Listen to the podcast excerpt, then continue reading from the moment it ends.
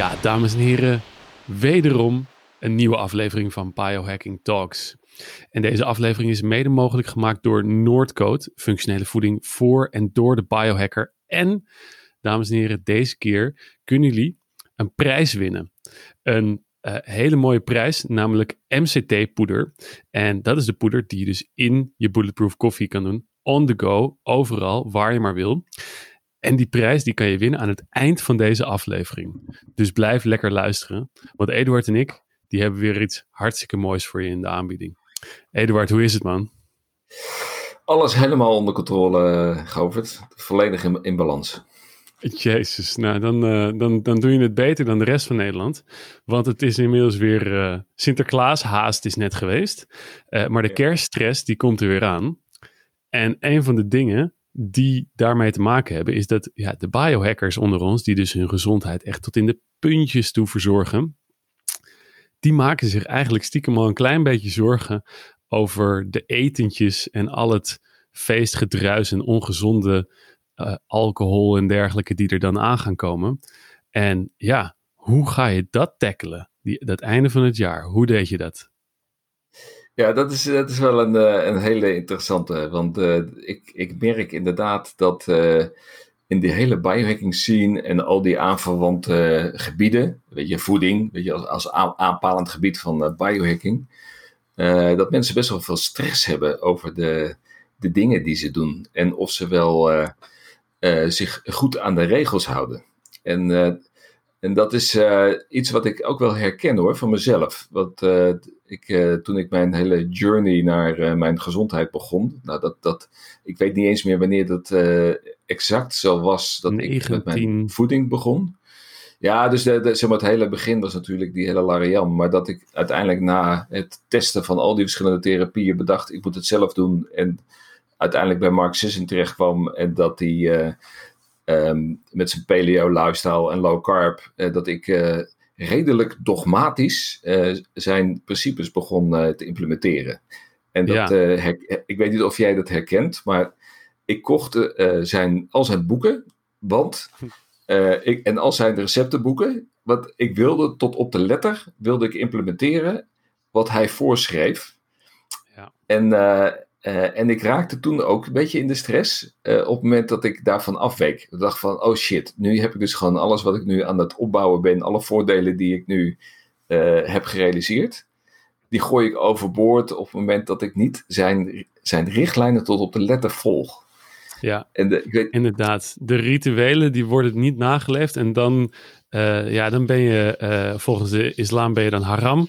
Maar uh, volgens de christenen bega je dan een zonde. En in de ja. dieetwereld uh, raak je dan uit ketose. Oh, jongens, ja, dat is een doodzonde. Ja. dat is een doodzonde. Ja, ja. en hoe, uh, kijk, ik, ik, absoluut, ik herken het. En we komen zo meteen inderdaad bij hoe ik dat vanuit de sporterskant heb beleefd. Want er zit nog een hele andere, uh, andere aspect aan. Namelijk het aspect dat je bang bent dat je prestaties achteruit gaan. Maar hoe heb je dat uh, op een gegeven moment kunnen counteren? Nou, ik denk, ik denk dat, uh, dat op het moment dat je verder komt. Kijk, ik, in mijn overtuiging uh, is het hartstikke goed als mensen beginnen dat ze ontzettend strak in de leer zijn. Weet je, want van heel veel van het, waar we het ook wel eens eerder over gehad hebben, van ik, ik beschouw dit als een soort als een systeem. Hè, dat systeemdenken met betrekking tot alle dingen die in je lifestyle jouw voordelen opleveren. Dat je weet wat werkt en wat niet werkt. En dat je in het begin, om er een gewoonte van te maken, uh, heel strak in de leer moet zijn uh, om ervoor te zorgen dat je dat gewoon in je vingers krijgt.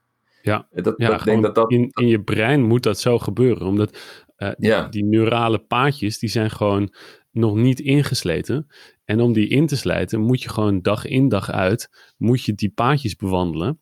En daarvoor moet je je habits en je gewoontes moet je gewoon heel strak eventjes volgen. Ja, dan kan je inderdaad minder ruimte permitteren om daar eventjes vanaf te wijken. Omdat je dan heel snel weer een terugval hebt in het, hè, het oude gedrag wat je probeert af te leren. Ja, en tegelijkertijd bouw je kennis op. Hè? Want uh, weet je, de reden dat ik al die recepten gewoon, uh, gewoon heel strikt volgde, was omdat ik gewoon eigenlijk ook niet wist wat, er nou, wat de principes waren achter de recepten. Ja. Uh, ja. En op het moment dat je ook in de loop van de tijd die principes leert kennen, en je hebt die routines ingebouwd, ja, dan, dan gaat het in je, ja, ook in je, systeem zitten. Dan, dan maak je op een gegeven moment de juiste keuzes. en, en dat is ook iets waar, waar ik van overtuigd ben, is dat op het moment dat je een aantal jaren bezig bent met deze leefstijl, dan word je ook wat relaxter. En, uh, en dat is, uh, Dave Asprey die had daar een hele mooie, mooie gedachtegang over. Uh, en dat is dat je hebt, je hebt de, de drie onderdelen van je brein. Hè? Dus dat, daar hebben we het ook eerder over gehad. Je hebt je reptiele brein, die zorgt eigenlijk voor de primaire functie van je lichaam. En je hebt je labradorbrein, dat zijn eigenlijk de, de primitieve dingen die je doet. dus het, het zorgen voor voedselveiligheid en en seks en dat soort zaken. En dan heb je het menselijk brein, dat is het hele cognitieve brein. En, en mhm. eh, in zijn filosofie, en ik vind dat een hele mooie redenering, ehm, kan je pas als mens goed functioneren op het moment dat alle systemen voldoende energie hebben. Weet je? en, mhm. en ja, want dus anders dan. Wat gebeurt er anders? Nou, nou, anders dan komt je menselijk brein tekort. Uh, en op het moment dat je menselijk brein tekort komt, dan raak je snel geïrriteerd en snel van slag. Weet je, en dat is iets wat ik zelf geen, ook ken. Eh, ja, dan is dat, dat, dat uitzicht dus inderdaad in dat de menselijke dingen die jou mens maken, zoals bijvoorbeeld hè, compassie kunnen tonen en eh, emotioneel stabiel zijn en niet je laten meeslepen door emoties, die maken, dat is datgene wat je mens maakt. Als dat te weinig energie heeft, dan neemt alleen het Labradorbrein, of het, hè, dus die tweede schil van het brein neemt het over, waardoor je dus je gewoon echt als dus een labrador je kan laten meeslepen en gewoon wispelturig wordt en kan reageren als een, ja, een iets een primitiever dier. Exact, en dan is een labrador is dat nog een heel, een heel goed aardig ja, beest meestal. ja, precies, daar heb ik, heb ik een positieve associatie mee. Maar over het algemeen wordt, wordt uh, weinig energie in het menselijke brein, in de prefrontale cortex, wordt gewoon uh, door de mensen die dat ervaren als heel, heel negatief ervaren. Ja, en, en op het moment dat jij dus gewoon uh, alle systemen van, van voldoende energie voorziet, dan word je wat relaxter. En uh, zoals Dave Asprey dat formuleert, bulletproof people are nicer people. Uh, en, dat, en, dat, heb ik inderdaad gemerkt als je bijvoorbeeld in het verkeer zit. Hè. Ik, ik zal de eerste zijn om toe te geven dat 15 jaar geleden, als iemand mij afsneed, dat ik dan ook nog wel de neiging had om voor zijn auto te gaan rijden en op mijn uh, remlichten, zeg maar, op mijn remmen te gaan staan. Totaal. Zo kut. Dat is echt. Absurde, absurde reactie. En, ja. Uh, en tegenwoordig is het zo dat als dat gebeurt, uh, dat je dan denkt van joh, weet je, jij bent dus blijkbaar niet bulletproof. Jij moet dus, wat zielig voor je, dat jij nog niet de gelegenheid hebt gehad om alle elementen van een, een biohacker, om die gewoon toe te passen op jezelf. Compassie. Compassie. Compassie. En dan, uh, dan denk je van, joh, weet je, het zou zo mooi zijn als de hele wereld uh, voldoende energie had. Want ik denk uh, dat we dan ook wat genuanceerder kijken tegen alle stromingen, of dat nou politiek is of voeding. Maar ik denk dat je daarmee een bepaalde paradox aanstipt omdat je noemde net al het woord dogmatisch. Als jij nog in de beginfase zit van dus het, het ontdekken van je optimale gezondheid. En dat impliceert dus dat je het nog niet gevonden hebt. Dus dat je nog problemen hebt met die energievoorziening van het brein. Of problemen in je lichamelijke gezondheid, die eigenlijk ook altijd uh, zijn oorsprong heeft in het brein. Dat je dus nog niet ontspannen kan zijn over je dieet. Ja. En dat je dus automatisch stress ervaart over je dieet, totdat je ja. geen stress meer ervaart over je dieet. En dus überhaupt dat, ook geen... Het, dat, is een dat is een terechte uh, paradox. Uh, en eigenlijk is mijn, mijn uh, boodschap naar de meeste mensen die, die ik ook coach, weet je, dat ik, dat ik eigenlijk probeer die ontspanning zo snel mogelijk erin te brengen. En, en, en hoe eerder je op een wat relaxte manier naar de wereld kan kijken, hoe eerder je ook naar je eigen patronen met wat meer ontspanning kan kijken, denk ik hoe makkelijker het ook is vol te houden. Weet je, want dan, dan kom je op de inleiding hè, van jou met uh, de stress met kerst. Van oh shit, carbs. En ik, of ik uh, ga bij mijn schoonmoeder eten en die volgt niet de biohacking leefstijlprincipes. En wat nu?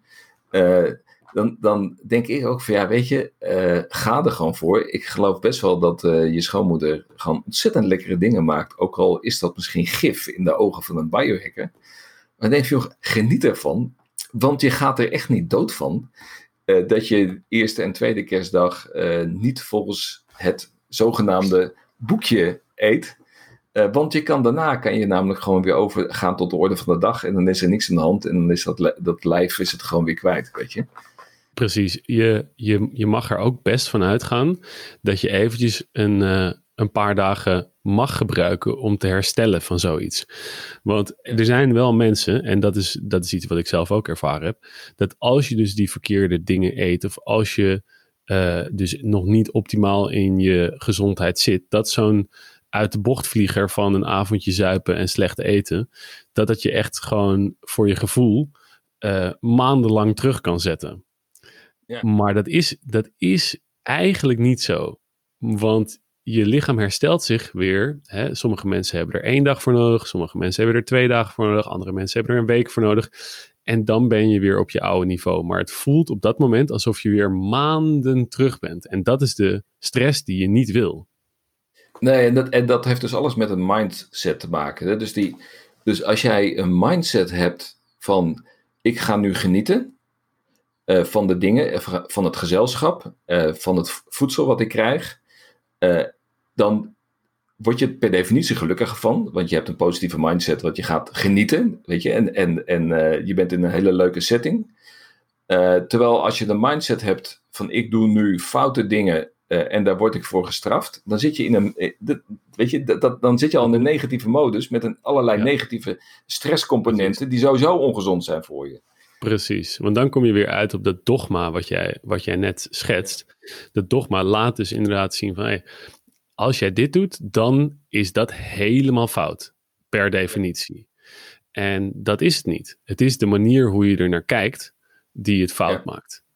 En praktisch gezien, want we, je blijft, hè, bij het woord mindset denk ik dat er al best wel een paar mensen afhaken van, ja, oké, maar en hoe dan? Dat, dat, dat is dan de vraag. Hoe dan? Hoe kan je je mindset op die manier instellen dat je kan genieten van zo'n moment? Wat zijn de praktische dingen die je, kan, die je zou kunnen doen? Ja, Heb jij daar een idee over? Nou, voor mij is het heel makkelijk. Uh, dus dus, uh, dus ik, dat vind ik een hele moeilijke vraag. Uh, omdat het voor mij gewoon een kwestie is van hoe kijk je naar de wereld. En, en op het moment uh, dat, dat ik tegen mezelf zeg van Eduard, uh, dit is niet slecht. Uh, geniet ervan, want ik weet dat het zichzelf na een dag of twee dagen of na drie dagen weer heeft opgelost. wat betreft de, negativiteit die erin stopt. Ehm, dan um, kan ik ontzettend makkelijk die knop omzetten. En, maar het is, het, is, het is denk ik gewoon puur dat je op een gegeven moment het, het besef moet doordringen. Althans, dat is bij mijn tip dat je het besef moet doordringen van jongens, uh, uh, je gaat niet naar de verdoemenis, want dan zou de hele bevolking al compleet naar de verdoemenis zijn. we zijn bezig met optimaliseren in deze leefstijl, waarbij de 80-20 regel of de 19-10 regel een heel makkelijk aanknopingspunt is. weet je, daar hou je houvast aan. Ja. Uh, ja, precies. Maar het, je kan ook te veel, uh, te veel, dus, te veel houvast aan die, aan die regels hebben. En in mijn geval was het, was het, uh, zat er nog een, nog, een, nog een vakker ook in het spel. En dat is het idee dat je een hoger doel hebt. Namelijk bijvoorbeeld naar, de, naar de Olympische Spelen gaan. Dus dat je het daarvoor allemaal, allemaal moet doen. En, en automatisch ook dat, ja, dat, dat rechtvaardigt jouw dogmatisch gedrag. Hè? Dus dan, wordt het nog, dan kan het nog religieuzer worden. Waarbij je andere mensen ook nog eens gaat proberen over, overtuigen die aan tafel zitten. Dat, dat wat zij eten, dat dat vergif is. Dan wordt het, dan wordt het helemaal giftig. Ja, dat, dat, dat is eigenlijk de ernstige, meest ernstige vorm daarvan. En dat is dat je missionaris wordt. En, uh, en dat, dat heb ik ook ervaren. Daar, daar hebben mensen een bloedhekel aan. Op het moment dat ze niet jouw principes volgen. En jij gaat toch hun vertellen uh, dat wat zij doen, dat dat niet goed is. En, uh, Precies. Uh, en ook dat heb ik natuurlijk ook al een keer aan de lijf ervaren. Dat ik aan het begin met mijn vingertje wees. En dan merkte ik al dat andere mensen mij gewoon echt niet meer leuk vonden op die manier. Dus dan heb ik vrij snel heb ik geleerd. Van ja, weet je, je mag altijd naar me toe komen als je vragen hebt over bepaalde dingen. Maar ik ga jou niet veroordelen om wat jij doet. Ja. En dat, ja. en dat zou zo leuk zijn. Die heb ik er ook maar in gegooid. Ja, als je, als je dus kijkt naar die Facebookgroepen over het carnivore dieet en, uh, de, hele, en de veganisten en weet je, hoe die elkaar te lijf gaan. Dan denk ik van joh, weet je, jullie zouden misschien wat meer, en nu word ik even de missionaris, jullie zouden wat meer misschien uh, bulletproof moeten worden. En uh, uh, zorg dat je energiesystemen wat meer in balans zijn, zodat je ook wat relaxter kan omgaan met meningen van anderen. En dat op het moment dat iemand niet voor een veganistisch dieet is, dat dat niet maakt dat zo iemand meteen een slecht mens is en het niet verdient om op deze aarde rond te lopen. En uh, nou ja, dat ja. geldt natuurlijk ook voor alle politieke discussies. Nou, ja. dat, is, dat is een perfecte kerstgedachte. En um, een perfecte kerstgedachte om mee af te sluiten, lijkt mij. Lijkt mij ook. En we moeten natuurlijk nog eventjes de kerst en deze feestmaand compleet maken. Door te zeggen dat als jullie een vraag hebben die jullie leuk vinden om beantwoord te krijgen in dus de volgende aflevering van Biohacking Talks, dan kun je die sturen naar @govertforgiver of naar Eduard de Wilde op Instagram. En de leukste vraag, die wordt gekozen in de volgende en beantwoord in de volgende aflevering van Biohacking Talks. En die wint ook dus een hele mooie grote pot van de MCT poeder van, van de Noordcoat Functional Foods. En daar denk ik dat iedereen ontzettend blij mee gaat zijn. Dus stuur lekker je vragen in. En Eduard, wat wil je nog zeggen? Ter waarde van 25 euro. Gewoon door Ter waarde van 25 euro. Gewoon een vraagje eh, stellen en, hè, op Instagram en je kan dit gewoon lekker winnen. Jongens, maak er een hele relaxte, ontspannen 80-20 mooie feestmaand. Tot de volgende. Tot de volgende keer.